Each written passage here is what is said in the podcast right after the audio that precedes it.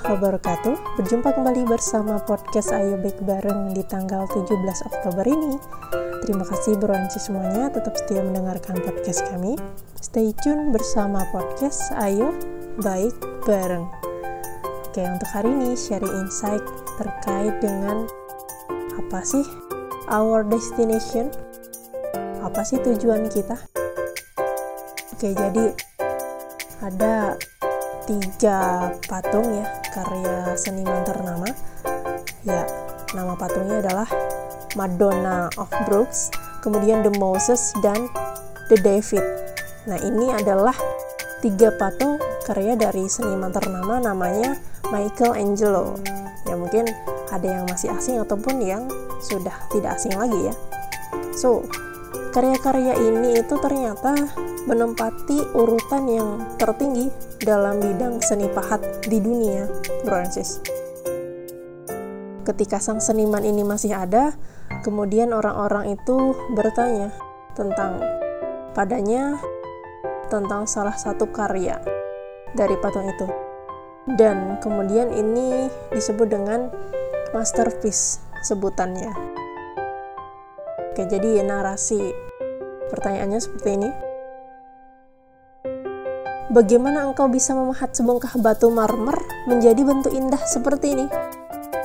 Kemudian dijawablah oleh seniman tadi, Meski masih berupa batu, aku sudah melihat bentuk tersebut dalam pikiranku.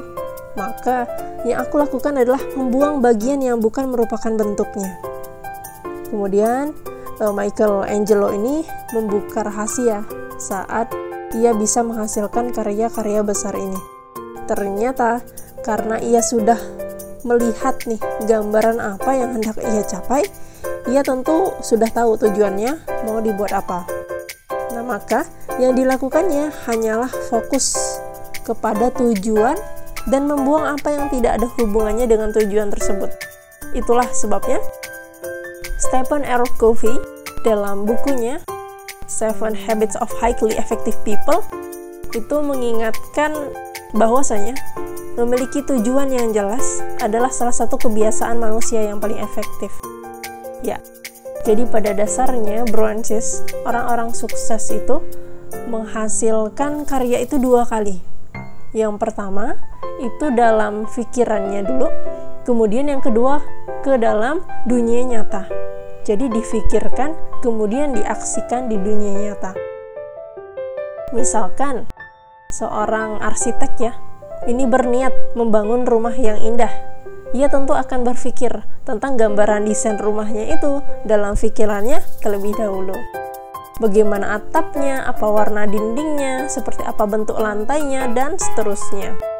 Ya, kemudian, bro setelah tujuannya udah jelas nih, maka mulailah sang arsitek ini bekerja dari membuat rancangan hingga membangun rumah sampai selesai tepat seperti apa yang dibayangkan tersebut. So, kalau memang hidup itu lebih efektif, kita itu harus ada tujuan ya, bro Kita harus ada tujuan yang kita pikirkan terlebih dahulu.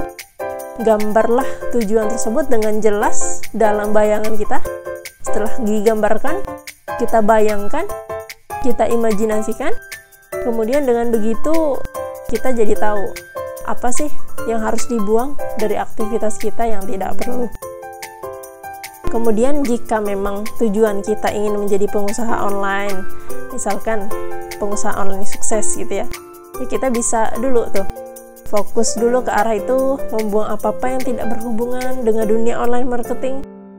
Kemudian, misalkan lagi kita mau jadi penulis bestseller, ya kita bisa fokus ke arah tersebut, membuang apa-apa yang tidak berhubungan dengan dunia kepenulisan.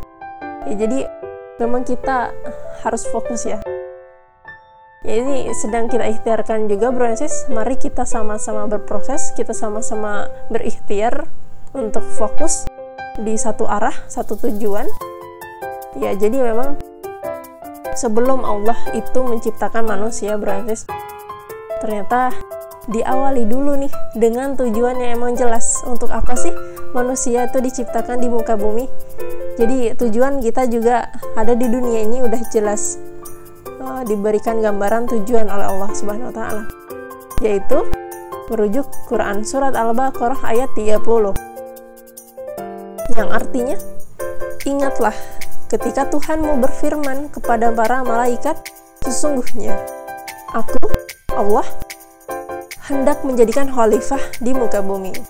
So memang ya dengan tujuan yang jelas insya Allah kita akan lebih tahu kita jadi tahu ke arah mana harus kita fokuskan segala aktivitas kita. Ya jadi tujuan yang jelas itu perlu ya sis jadi nggak dibawa ke sana sini.